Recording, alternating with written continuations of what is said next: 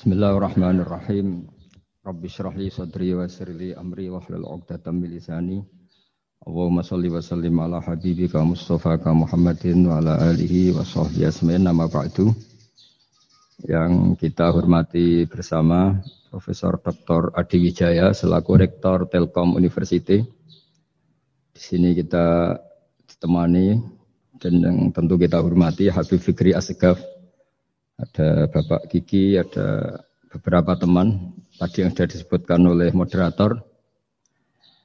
Eh, langsung saja sesuai tema bahwa kita akan menjadikan tauhid sebagai eh, sumber inspirasi bangsa atau sumber kekokohan bangsa atau sumber ketahanan NKRI.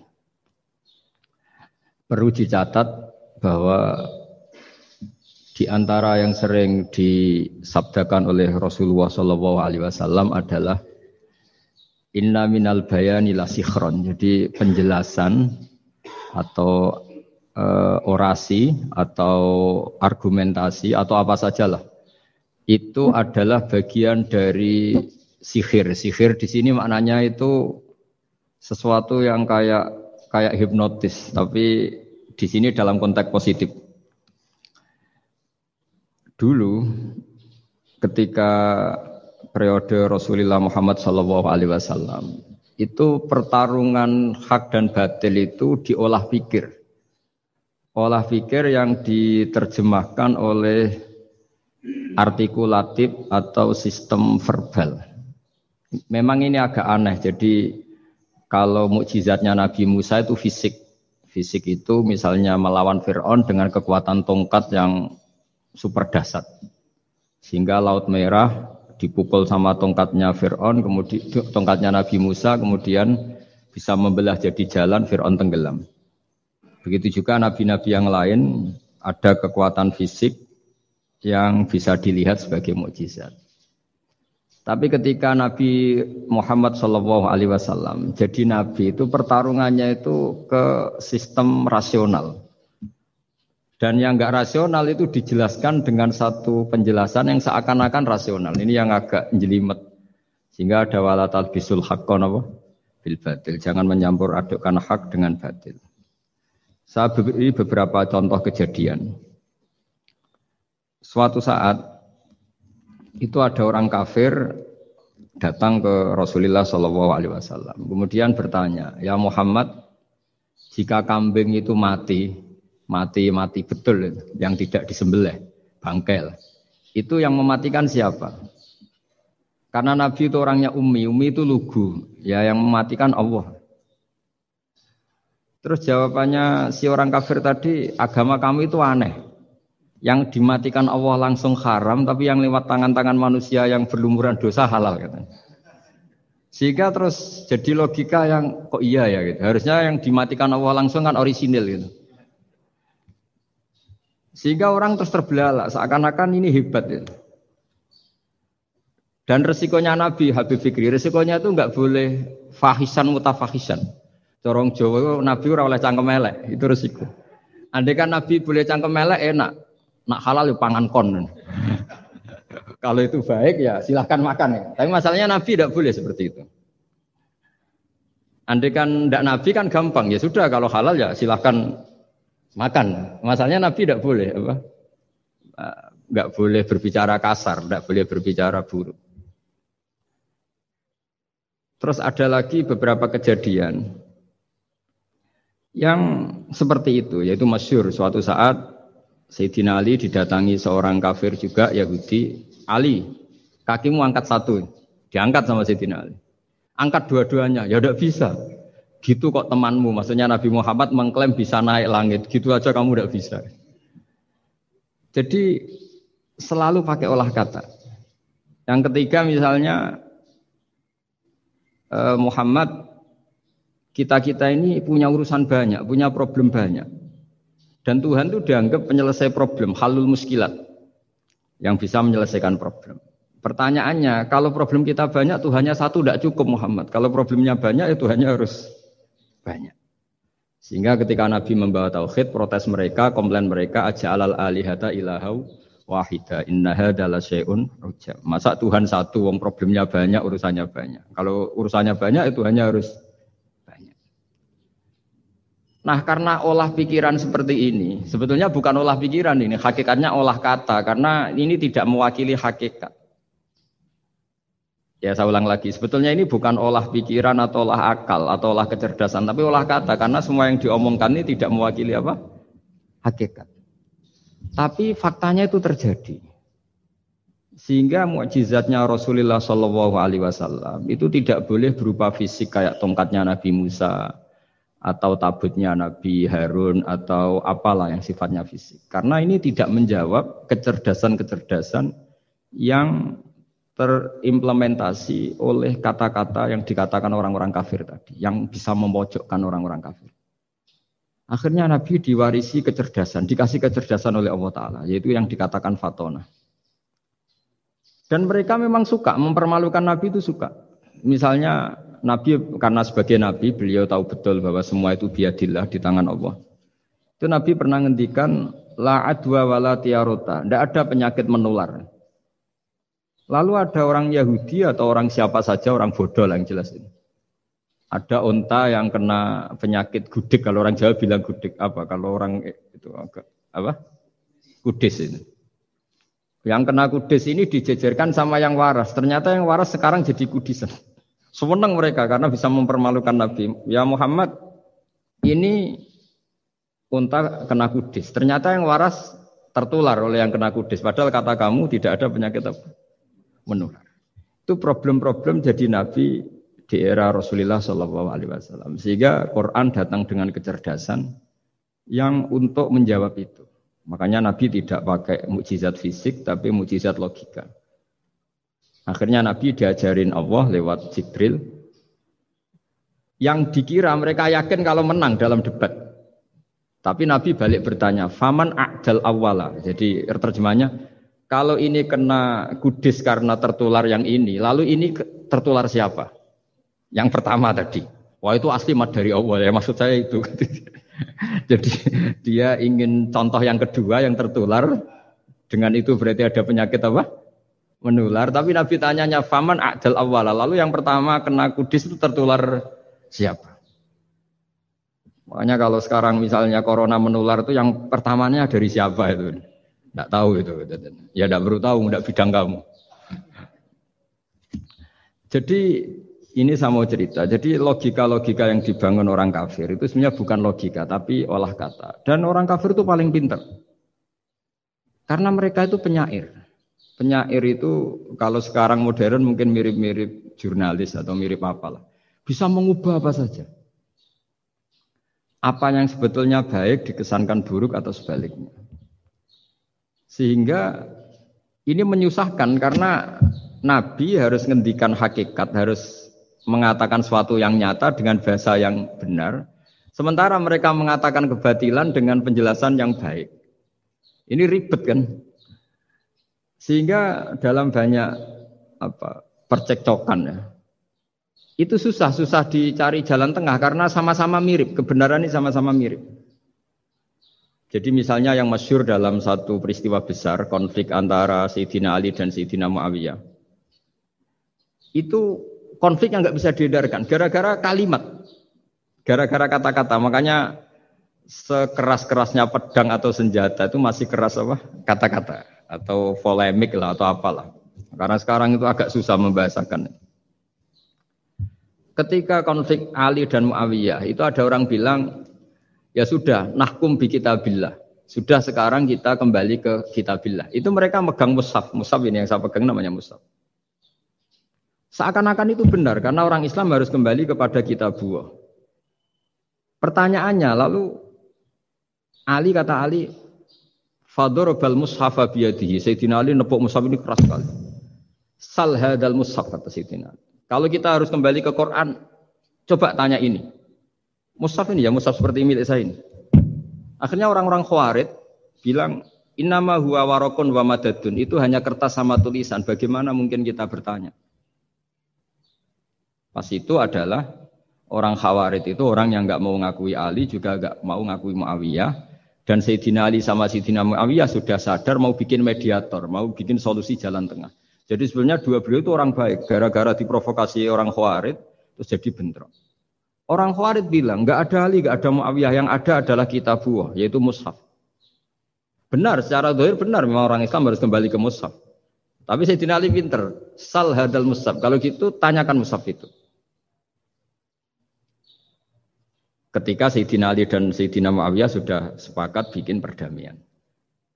Akhirnya singkat cerita, Inama huwa rokun wawadadun kata orang-orang Khawarij itu hanya kertas dan pena. Kenapa bisa di apa di disuruh atau diminta jawaban?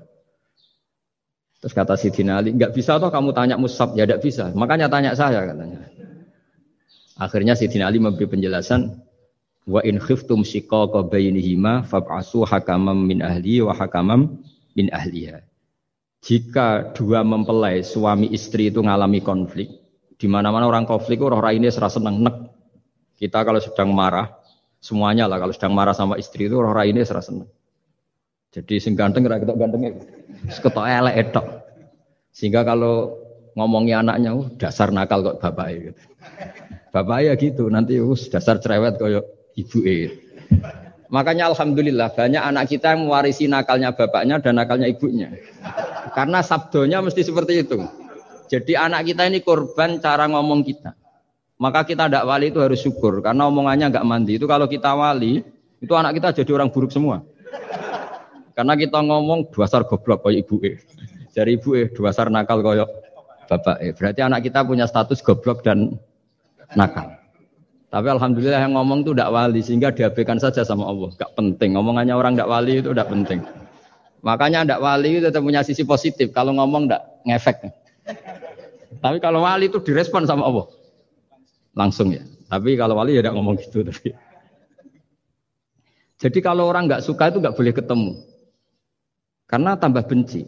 Sehingga butuh mediator. Itu sudah, ini termasuk ilmu psikologi Quran. Kalau orang sedang tidak cocok itu nggak boleh ketemu pakai apa? mediator. Jika suami istri sedang konflik, itu sebaiknya, seharusnya atau sayugyanya itu kirim mediator. Fab'athu hakamam min ahli wa hakamam min ahliha. Iyurida islaha yuwafiqillahu bainahuma. Terus kata Sidina Ali, wa amru ummati Muhammad a'zamu min amri rojulin wa mra'atin. Dan urusan umat Muhammad yang kita sedang konflik dengan kekuatan besar dan bisa pertumpahan darah, itu lebih ngeri timbang urusan suami dan istri. Itu saja solusinya mediator. Artinya sesepele itu urusan pribadi saja Allah menyuruh ada mediator. Apalagi urusan kita yang lebih dahsyat. Akhirnya mereka ngakui cara istimbat, cara ngambil kesimpulan Sidina. Jadi ini masalah-masalah yang orang bilang seakan-akan benar. Sudah kita kembali ke Quran, kembali ke Quran. Quran yang mana? Wong kamu tidak paham. Lama-lama tanyanya cetakan mana ini? Ribet kan? Makanya saya ini bikin gerakan besar-besaran yang dulu saya ngaji tafsir lama sekali dengan Mbah Mun.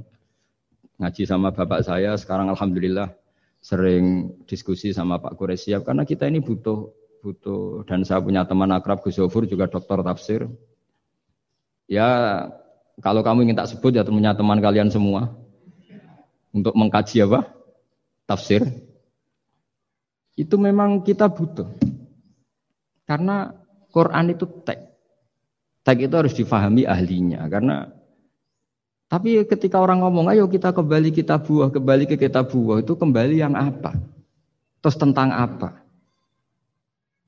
Sehingga banyak orang yang saking entah saking angkuhnya, entah saking benarnya tidak tahu. Saya tidak mau kembali kepada Quran. Kenapa? Saya tidak pernah keluar saya di situ. Kembali itu kan sudah keluar baru kembali. Itu entah saking angkuhnya, entah saking benarnya tidak tahu. Mau kamu katakan angkuh yang masuk akal?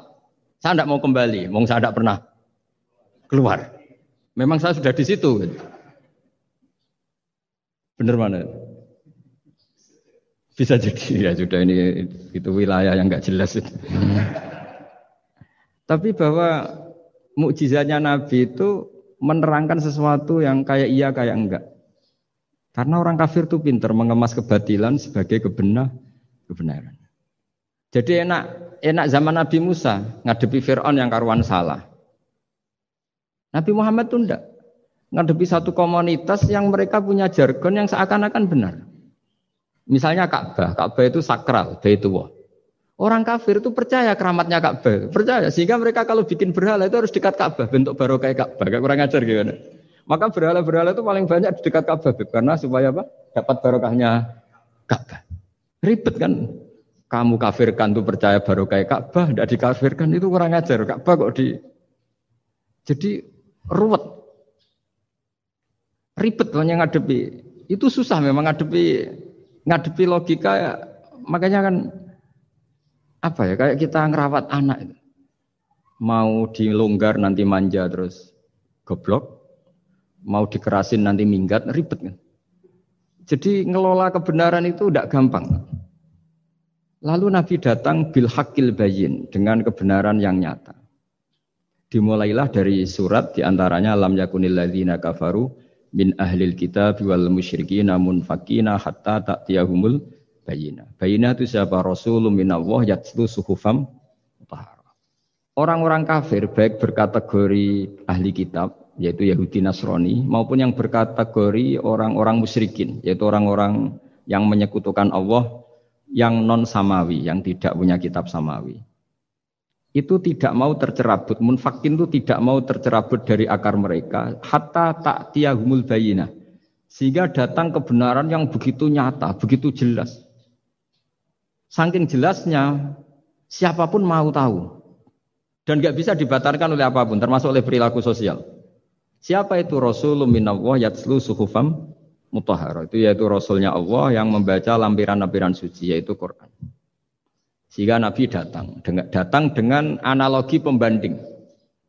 Orang-orang yang berpikir Tuhan harus banyak karena urusan itu banyak, problem banyak. Lalu Nabi bikin analogi. Andaikan kamu sebagai pembantu yang punya majikan banyak perintahnya beda-beda. Kamu mau enggak? Ya enggak mau, enggak enak Muhammad kalau punya bos banyak. Perintahnya beda-beda, semuanya egois harus dituruti, enggak mau. Enak mana sama punya majikan satu? Enak satu Muhammad. Ya sudah Tuhan kamu itu majikan kamu. Kalau banyak-banyak bingung kamu perintahnya banyak nanti. Terus mereka mau, ya sudah Tuhannya satu saja. Jadi karena karena mereka mau tidak mau harus berpikir kalau Tuhan banyak berarti perintahnya banyak memuaskan satu Tuhan dibenci Tuhan yang lain, memuaskan yang lain dibenci yang lainnya, pokoknya ribet. Hari ini minta dilayani, Tuhan yang satu minta dilayani, itu kan ribet. Jadi Nabi itu pakai logika yang gampang. Makanya ketika Allah menjelaskan itu, ketika Allah dorobawo masalah rojulan fihi syuraka umutasakisuna wa rojulan salamal dirojul hal yastawiyani masalah alhamdulillah. Allah bikin satu perumpamaan ada orang yang punya majikan banyak, yang satu punya majikan hanya satu. Hal yastawiyani masalah, nasibnya enak mana? Enak yang punya majikan satu, karena standarnya jelas, SOP-nya jelas. Akhirnya mereka sadar, oke okay, Muhammad Tuhannya satu saja. Lalu dalam pertanyaan-pertanyaan yang lain, misalnya tadi, masalah Sayyidina Ali, masalah dibully lah kalau sekarang itu. Itu Nabi menjawab ya dengan rasional. Karena mau tidak mau. Karena Nabi tidak dibolehkan pakai mukjizat zaman itu. Untuk awal-awal jadi Nabi itu nggak boleh pakai mukjizat. Karena mukjizat itu punya sisi yang sangat-sangat fatal, yaitu kalau Allah sudah menurunkan mukjizat, itu sekali nggak diimanin itu harus ada azab. Nabi ingin umatnya itu nggak kena nggak kena azab. Makanya ketika Allah Taala wa ma mana ana an nursila fil ayati illa an bihal awalun. Cara terjemahan bebasnya gini.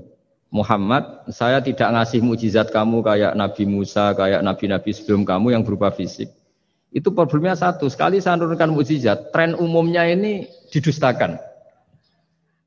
Ketika didustakan, saya punya alasan menyiksa, wong sudah tak perlihatkan sebegitu jelas kok tetap didustakan. Maka sekali saya menurunkan mujizat, kata Allah, wa ma nursilu bil ayati illa takhwifa. Saya memberikan satu ayat itu hanya warning, hanya peringatan bahwa ini akan ada bahaya azab. Sehingga karena pilihannya itu Nabi milih gak ada mukjizat yang seperti Nabi-Nabi sebelumnya. Milih mukjizat yang ilmiah, yaitu Al-Quran yang kita warisi sampai sekarang. Alhamdulillah. Karena kata ulama-ulama, nah ini pentingnya penjelasan. Andekan mukjizat kita itu hanya tongkat, maka hanya ada di museum. Kita lihat tongkatnya Nabi Musa mungkin klaimnya ada di Turki. Mukjizat tabut kita lagi lihat lagi di Ya di manalah tempat di museum apa. Tapi kalau mukjizatnya Al-Quran, itu umatnya Nabi akan merasakan nikmatnya ila yaumil kiamat. Misalnya kita dalam bersuami istri atau dalam berkeluarga atau dalam bermasyarakat. Itu Quran kalau nasihati kita gampang sekali. Misalnya wa ashiruhunna bil ma'ruf. Fa in karihtumuhunna fa asa an takrahu syai'a wa ja'alallahu fi khairan katsira. Sudahlah kalau sama istri itu yang baik. Jika ada watak istri yang kamu nggak suka, dalam ketidaksukaan kamu itu ada kebaikan yang banyak. Kamu nggak suka karena kalau istri kamu sering marah, kamu nggak suka. Sukanya yang senyum. Tapi kalau senyum terus sama orang lain juga senyum ribet kan kamu. Jadi sudah anggap saja ada hikmahnya. Semua itu ada hikmahnya. Kalau istri kamu marah tidak kelihatan marahnya, dipendam, itu enggak ekspresif. Cara akting sinetron enggak masuk itu. Tapi kalau marah kelihatan marahnya itu ekspresif, itu kecerdasan itu apa? Bisa menumpahkan keinginan. Oh itu bagus ini. Jadi disuruh lihat si siapa? Positif. Imam Syafi'i itu pernah ketemu seseorang yang di depan beliau cium tangan hormat. Suatu saat dikasih tahu sama santrinya yang lain. Orang yang mencium kamu, wahai Imam Syafi'i itu di belakang rasani kamu, bully kamu. Kata Imam Syafi'i, baguslah. Kenapa? Berarti saya wibawa, di depan saya tidak berani. Jadi enteng. Beliau dikasih tahu, tetangga kamu banyak yang benci engkau ya Imam Syafi'i. Baguslah, tidak akan utang saya. Justru yang kenal-kenal itu yang utang-utang itu. Jadi enteng terus. Jadi dunia ini dianggap gampang saja. Coba kalau istri kamu sedang rukun sama sedang marah itu murah mana? Murah marah. Kalau rukun minta ke mall pusing. Jadi ulama dulu itu murah mana? Marah sama rukun. Kalau sedang harmonis, minta ke Mahal kan? Kalau pas marah, Jadi ulama dulu itu lucu apa ya? Gampang sekali nanggapin sesuatu itu.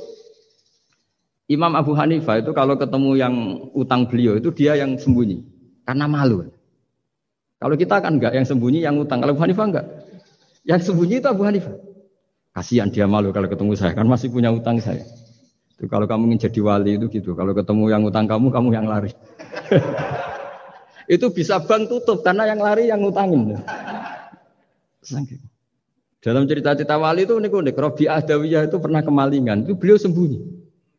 Malingnya nyari apa dia sembunyi. Habis itu ditanya, kenapa engkau sembunyi? Sama lu sama malingnya. Karena rumah saya nggak ada yang bisa dimaling karena karena tidak punya apa.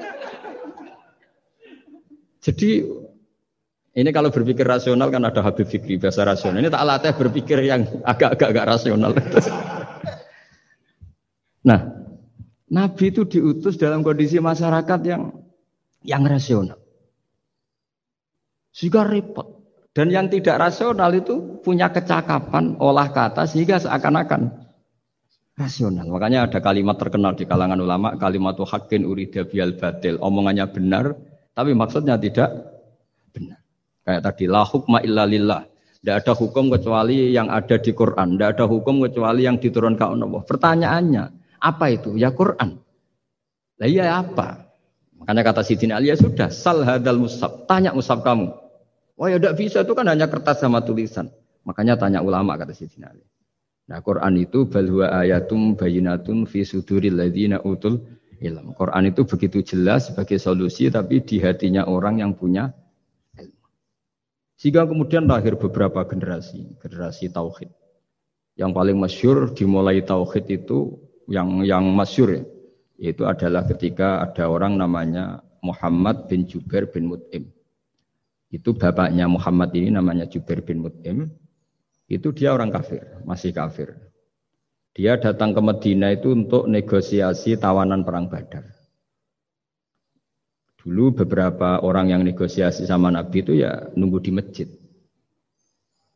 Singkat cerita, Nabi sholat maghrib baca surat Wattur, Wattur wa kitabim mastur fi rokim mansur wal baitil ma'amur was fil marfu wal bahril masyur. Terus dia dengerin terus. Dengerin sampai Allah tanya, Am khuliku min ghairi Kalau kamu tidak ngakui saya sebagai Tuhan, kata Allah, silahkan Anda berpikir bahwa alam raya ini dimulai dari ketiadaan. Atau kamu sendiri merasa sebagai pencipta alam raya ini, pencipta langit dan bumi. Itu namanya amkholakus samawati wal ard. Itu orang itu disebut dahiyatul Arab, orang paling cerdas di Arab. Itu dia bingung. Dia selamanya kafir. Cara berpikir menuhankan berhala, lata, uzza. Pokoknya menuhankan makhluk lah. Terus dia mikir, Muhammad ini kacau ya. Akal saya dihabisin kata dia. Jadi cara berpikir dia pakai akal. Dia tidak percaya mujizatnya Quran. Tapi dia bilang Muhammad ini kacau. Akal saya dihabisin. Akhirnya Nabi setelah salam dia menyatakan Islam. Karena kata dia Muhammad akal saya habis oleh apa yang kamu baca. Nah ini saya mau menerangkan tauhid sebagai inspirasi. Yaitu logikanya gini. Langit bumi ini kan wujud. Wujud itu punya eksistensi. Kalau langit bumi ini wujud, alam raya ini nyata, Lalu kamu mengatakan sebelum alam raya ini ketiadaan. Berarti ada satu kesimpulan ketiadaan menciptakan yang ada. Itu malah gendeng bareng.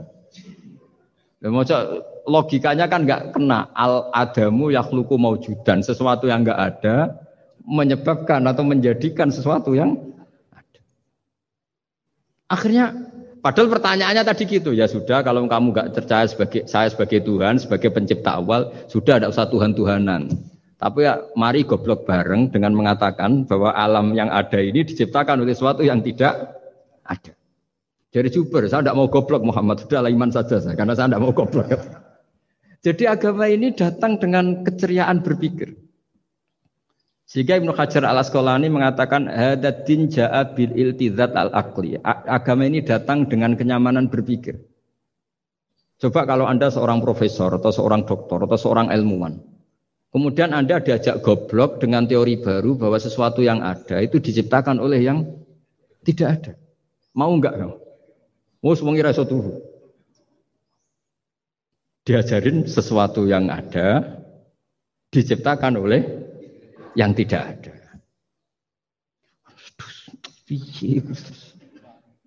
Gak, gak keren. Gak suruh sudah itu. Jadi tauhid itu. Nah, kemudian lahir ulama-ulama baru yang cara ngarang sama. Ini kitab yang dulu saya ngaji sama Syekhina Kememun Siber Bahmun. Itu kemudian ulama-ulama baru, kata Yai Mbah Mun itu juga bapak saya sering pesen, orang itu harus tahu zaman. Menerangkan tauhid itu kalau lama dulu itu dimulai dari kalimat yang mungkin yang ngaji saja bingung.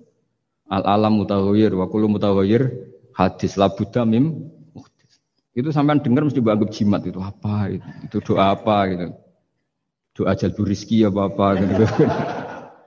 padahal itu logika tapi terus ulama-ulama modern itu ngarang seperti ini. Ini ada gambar. Ini kitab yang saya dulu ngaji sama Itu digambar seperti ini. Maksudnya digambar seperti ini gini. Penjelasannya gampang. Sampai kalau gambar seruat apa pun, misalnya gambar gedung tingkat lima atau gambar gunung atau gambar apa saja. Mbok seruat apa pun gambar itu dimulai dari satu titik. Tadi hadhil awalim kulluha bahwa alam semua ini dimulai dari nuktotil wujud, ada titik wujud. Dan karena ini wujud penyebab harus bersifat awal. Makanya Allah itu selain wujud harus bersifat al-awal. Kalau bahasa pondok al-qadim. Karena tidak mungkin yang menciptakan kemudian kalah dulu dengan yang diciptakan. Begitu juga Imam Al-Amudi. Imam Al-Amudi itu jadi wali itu karena dia ahli matematika. Sampai muridnya itu eskal. Ini guru saya masuk surga enggak. Kalau ngajar itu senangnya ngajar matematika. Beliau ahli usul fikih, ahli fikih, tapi senangnya ngajar matematika. Sampai muridnya sanksi ini masuk surga enggak ya? Walhasil dalam cerita keramat beliau, sama ndak usah terus saya tidak percaya, kamu tidak wali, kok tidak percaya gimana? Ribet sekarang itu, orang kalau nggak nekuni sesuatu terus nggak percaya, ribet. Itu beliau masuk surga itu dijamin dapat surga itu karena ngajar matematika. Tapi di hati beliau hanya satu. Matematika adalah satu ilmu yang dimulai dari angka satu. Nol koma itu tetap dimulai dari satu. Nggak bisa Akhirnya beliau cerita, angka dua atau tiga nisbatul wahid wal isnaini ila mi'ah wa ila ma la nihayatallah semuanya sama nisbatul far'i ilal asli kata beliau. Bo angka dua, tiga, seribu sampai satu miliar itu perbandingannya dengan angka satu apa hubungannya? Al far'i ma'al asli yaitu angka 23 adalah cabang dari angka Jadi alam raya sebanyak apa pun ada galaksi, ada Mars, ada apa saja tetap dimulai dari wujud yang satu yaitu wujudnya Allah Subhanahu wa taala. Jadi beliau menjadikan matematika sebagai alat perangkat untuk tahu tauhid bahwa alam raya ini dimulai dari al wujudul wahid wujud yang satu. Makanya kul huwallahu ahad. Allahu somad, terus lam yalid walam yulad dan seterusnya. Nah, makanya ketika orang menyoal hukum adat yang menipu kita, adat itu sunnatullah yang yang kita lihat. Itu Quran mesti mengembalikan bahwa ladzi yabda'ul khalqa tsumma itu wa huwa ahwanu alaih. Sebagian di surat Yasin diterangkan ansa'aha awwala marrah. Ketika kita lama sekali, namanya manusia itu lahir dari seorang bapak dan ibu. Ini lama sekali. Yang namanya telur itu lama sekali lahir dari ayam, apa keluar dari ayam. Yang namanya pohon besar itu mesti dari biji yang kecil. Karena lama itu terjadi seakan-akan kita ngomong, kita berkeyakinan tahu-tahu ada pohon besar itu muhal. Tahu-tahu ada manusia ini muhal. Makanya ketika ada figur yang bernama Isa, Isa bin Maryam, itu orang kafir Yahudi itu menolak. Bagaimana mungkin ada manusia tanpa bapak? Oke, itu menyalahi prosedur lazim, protap lazim. Tapi kata Allah gimana? Inna masalah Isa inda wahi kamasali Adam. Kalau Isa mohal karena tanpa bapak, harusnya Adam lebih mohal karena tanpa bapak, tanpa ibu. Jadi artinya apa? Allah tetap mengingatkan bahwa kudroh saya yang pertama itu menjadikan semuanya mungkin tanpa perangkat adat. Maka kitab ini yang saya baca ini, milik Said Hussein Afandi ini itu menjelaskan bahwa hukum adat itu menipu. Saya ulang lagi, hukum adat itu menipu. Ketika ayam mengeluarkan telur, telur kemudian menjadi ayam lagi. Terus kita berdebat, telur sama ayam dulu mana? Menurut Anda milih mana? Milih apa? Telur. Kalau ini yang kubu sebelah ini. Ayam apa telur? telur. Ayam. Ayam lahir dari Nah, pertanyaannya begini kalau menurut tauhid. Ketika lazim kalau telur itu nanti suatu saat jadi ayam, terus ayam kemudian lazim mengeluarkan telur. Ketika Anda mengatakan mungkin kontribusi Anda terhadap kemungkinan itu apa? Kan sama, Anda tidak ikut mencipt, Wong dia ikut menciptakan kok menfonis mungkin tidak mungkin. Kamu itu hanya saksi. Makanya pertanyaannya Allah, lo ketika itu kamu anggap mungkin, kontribusi Anda itu apa? Kan hanya melihat. Kamu sendiri tetap tidak mampu bikin telur, Anda juga tidak mampu bikin ayam. Artinya meskipun telur jadi ayam, ayam jadi telur sampai kiamat, tetap ada kontribusi kudrohnya Allah Subhanahu wa taala. Bukan berarti berdiri Sendiri wong kamu yang bilang mungkin ya nyatanya enggak berkontribusi. Sehingga kalau suatu saat Allah bikin telur dari batu atau ayam keluar dari batu, bagi Allah itu enggak masalah. Tapi bagi kamu masalah. Bagaimana mungkin hewan keluar dari batu? Ini logikanya gimana? Lo memangnya ketika telur dari ayam itu logika kamu gimana coba? Kamu ikut bikin enggak? Nah ini di sini pentingnya mukjizat. Akhirnya Allah bikin mukjizat, ada satu onta besar keluar dari batu, yaitu mukjizat Nabi So. Kamu memasalahkan, ini gimana onta kok keluar dari batu? Lalu kalau Allah tanya kamu, gimana telur keluar dari ayam? Loh ini biasa, Gusti mungkin. Memangnya kamu bisa. Berarti bagi orang yang tauhid, yang wali, keluarnya ayam dari telur sama onta dari batu itu nisbatnya sama. Sama-sama semuanya di luar kontribusi kita. Kenapa yang satu kamu katakan mungkin, yang satu kamu katakan tidak mungkin? Toh kamu sama-sama tidak terlibat. Itu cara berpikir tauhid. Artinya apa? Orang-orang wali atau orang-orang alim meskipun melihat telur keluar dari ayam tiap hari tetap subhanallah, subhanallah, Allahu akbar. Karena ini keajaiban. Tapi kamu kamu kan enggak tahunya ajaib itu yang aneh-aneh itu. Makanya banyak cari kiai aneh yang gondrong yang nggak pernah mandi ya gara-gara kamu tuh suka aneh itu gara-gara. Dong ini ya. Dong itu tahu ya. Jadi buat sesering apa pun alam raya ini ada siklusnya. Biji jadi pohon, pohon kemudian mengeluarkan buah, buah ada biji. Semuanya yang berkontribusi hanya kudrohnya Allah Ta'ala. Tidak mengikat Allah. Allah bisa bikin tanpa itu semua. Makanya Allah selalu memperbarui mukjizatnya. Termasuk ada onta besar keluar dari batu. Yaitu mukjizatnya Nabi Soleh. Kamu gak boleh menyoal ini mohal. Mohal gimana? Karena itu nggak mungkin. Ukuran nggak mungkin apa? Kamu nggak bisa bikin kan? Sama telur keluar dari ayam kamu bisa bikin. Sama-sama enggak. Nah di sini pentingnya ngaji ya. Makanya Allah ngendikan inna wuha la ayat ayyadriba masalam ma ba'udotan fama fokoh. Allah itu tidak malu bikin contoh nyamuk. Karena nyamuk ini mujizat yang besar. Sudah hewannya kecil, di situ ada ususnya. Ususnya ada uratnya. Coba kalau kamu bikin nyamuk.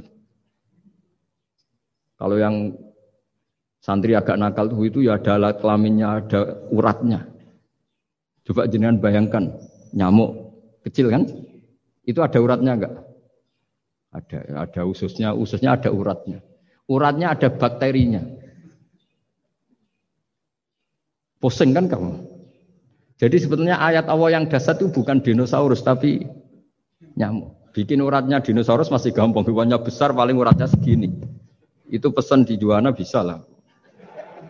Tapi kalau pesen organnya apa? Nyamuk. Perutnya seberapa? Sudah gitu dia di dalamnya ada calon anaknya. Lebih kecil, banyak lagi jumlahnya. Coba. Nah ini agama ini datang dengan akal. Jadi kelihatan ada mukjizatnya Quran karena menyontohkan nyamuk. Dan kelihatan mukjizat kalau dijelaskan pakai logi, logika. Yaitu kayak apa susahnya bikin nyamuk. Sudah kecil, ada organnya, organnya ada uratnya, uratnya ada kumannya, kumannya ada uratnya. Pusing enggak? Makanya tidak ada kampus yang siap memaklumatkan diri sanggup bikin nyamuk. Karena ya nggak sanggup tadi. Lah itu mukjizatnya Quran. Jadi agama ini ketika ulama-ulama ja'a bil iltizazil aqli. Agama ini datang dengan kenyamanan berpikir. Makanya kita nanti kalau mau mati itu yang seneng saja. Kita tidak tahu caranya hidup, tahu-tahu lahir, tahu-tahu hidup, tahu-tahu punya hutang, tahu-tahu banyak masalah, tidak tahu kita. Nanti kalau mati juga gitu, nggak ingin mati tahu-tahu mati. Nanti nggak tahu tahu bangkit. Makanya sudah alihah nahya wa alihah namut wa biha nubasu insyaallah taala minal. Makanya kata Sidina Ali kalau ada orang susah hidup, kamu lahir keinginan kamu apa keinginan Allah ya? Keinginan Allah. Kamu mati, misalnya orang frustasi ingin mati ya tidak bisa mati. Kalau Allah tidak menghendaki ya tidak mati. Ya sudah. Zaman kita hidup ya tidak bisa mengelola kehidupan ini ya sudah. Kalau mati juga tidak bisa mengelola kematian ini. Makanya terus kita diajarkan inna solati wa nusuki wa mahyaya wa mamati lillahi rabbil alamin. Berhubung kita tidak tahu ya sudah hidup kita, mati kita semua di tangan Allah. Sudah kita pasrah saja. Nah, jame mati, es mati aja, serah usah pamit, sudah mati aja, sudah gak ribet. Makanya wali-wali itu ya biasa ngelihat kematian itu, bukan karena yakin pasti masuk surga ya enggak. Kata wali-wali itu di dunia itu hanya Allah yang ngurusi kita ya Allah, nanti di akhirat ya sama. Itu tauhid ya. Jadi saya ulang lagi ya, jangan terjebak hukum adat. Karena dalam hukum adat itu sebenarnya Anda tidak aktor tapi hanya saksi. Yang namanya telur keluar dari ayam, ayam mengeluarkan telur. Tapi sebetulnya ini tidak mengikat. Allah bisa saja bikin hewan dari yang lain. Kayak tadi mengeluarkan untanya Nabi Soleh dari batu yang apa? Besar. Ya wah itu mohal, bagaimana mungkin? Nah memangnya ayam jadi telur, telur jadi ayam, Anda ikut berkontribusi kan enggak? Andai kan Anda menyaksikan kudrohnya Allah Ta'ala di semua kejadian. Yaitu Allah bisa bikin nyamuk, nyamuk ada organnya, organnya ada uratnya. Dengan reputasi seperti ini maka kita akan mensifati Allah innahu ala kulli syai'in qadir bahwa Allah bisa melakukan apa saja. Wa huwa ala kulli syai'in qadir diulang-ulang. Sama Indonesia yang sekarang seperti ini yang kata orang ada yang bilang terbelakang, ada yang bilang tertinggal dari Eropa. Mungkin dalam kudrat tua untuk bikin Indonesia lebih makmur dari sekarang. Bisa mengalahkan negara-negara yang lain. Jadi kalau kamu ingin, tapi Indonesia banyak masalah gini-gini, bagi Allah mudah saja menyelesaikan masalah. Tetap inadzalika ala wahi yasir. Kita harus optimis bahwa semuanya bagi Allah mudah. Tapi cara berpikir ya tadi dengan reputasi Allah bisa bikin nyamuk. Nah nyamuk sulitnya di mana ya tadi sudah kecil punya organ, organnya punya urat, uratnya punya bakteri, bakterinya punya organ, organnya bakteri, mungkin ada bakteri lagi. Pusing kan? Ya jangan nggak usah dipikir kalau pusing. ya jadi terus yang terakhir saya mohon kalau baca Quran sebisa kita ada yang diangen-angen. Jadi Allah kalau mendorong kita mengakui eksistensinya Allah, Allah sering ngendikan yang mudah-mudah. Misalnya, uh, saya ini yang menciptakan kamu, saya yang menciptakan kamu. Falau latu sodikun, sudahlah, saya ini nahnu naku. Saya ini pencipta kalian, bu yao. Hubungan kamu itu dengan saya. Urusan kamu terdekat itu dengan saya, kata Allah, bukan dengan yang lain. Karena saya menciptakan kamu, kata Allah. Tapi kita ini aneh, jadi manusia itu aneh. Dengan dat yang menciptakan kita tidak punya urusan, dengan yang tidak terkait dengan kita, kita punya uru, urusan. Itu kan aneh. Dan Allah kalau menerangkan itu gampang. Terus bagi manusia yang kumo luhur, yang angkuh, seakan-akan bisa menentukan segalanya. Falola in kuntum ghaira madinin tarji'unaha in kuntum sadikin. Kalau kamu orang hebat, Bu ya oh ketika nyawa kamu mau keluar tuh kamu tahan supaya tidak kamu nggak jadi mati. Nggak keren kan orang hebat kok mati katanya. Kamu sombongnya kayak gitu, seakan-akan bisa ngatur dunia, menaklukkan dunia. Ternyata kamu mati. Harusnya nggak usah mati dong. Kata falola ing kuntum gairah mati ini. Ntar ciunah ing kuntum sadiqin. Makanya falola ila balagotil khulkum wa antum khina idin tangdur. Bu ya orang-orang yang keren, yang merasa hebat, yang biasa ngatur dunia. Bu ya ketika mati itu jangan mau. Ya, ya, ya ini, ini sensitif wilayah. Ya saya kira demikian ya semoga lewat ngaji ini kita kembali ke tauhid yang benar lewat penjelasan-penjelasan yang akli yang rasional. Saya pastikan agama ini datang dengan al-iltizatul akli, kenyamanan berpikir. Kayak apa susahnya kita dengan jadi ateis? Karena harus punya rumus bahwa yang ada diciptakan oleh yang tidak ada. Itu kan jadi aneh. Makanya ukuran iman, salah sun mangkun nafihi wajata halawatal iman. Ciri utama iman itu nyaman, halawah itu manis karena ya itu tadi apa yang dibawa oleh Quran dan hadis sesuai akal kita. Maka masyur di kalangan para ulama ada pepatah laulam yakun maja'a bihi Muhammadun dinan lakana fi aklin nasi hasanan. Kalau saja Muhammad tidak maklumatkan kalau ini agama, akal pun akan setuju bahwa yang dibawa itu hal yang luar biasa. Karena agama ini tidak lam yusodim al akal. Agama ini tidak akan Eh, menentang akal. Di kaum yaqilun, di kaum yatafak. Kalau ada orang bilang akal saya itu menolak faham agama, itu akalnya yang perlu dicek. Ada masalah itu pasti. Ya, saya kira demikian. Assalamualaikum warahmatullahi wabarakatuh.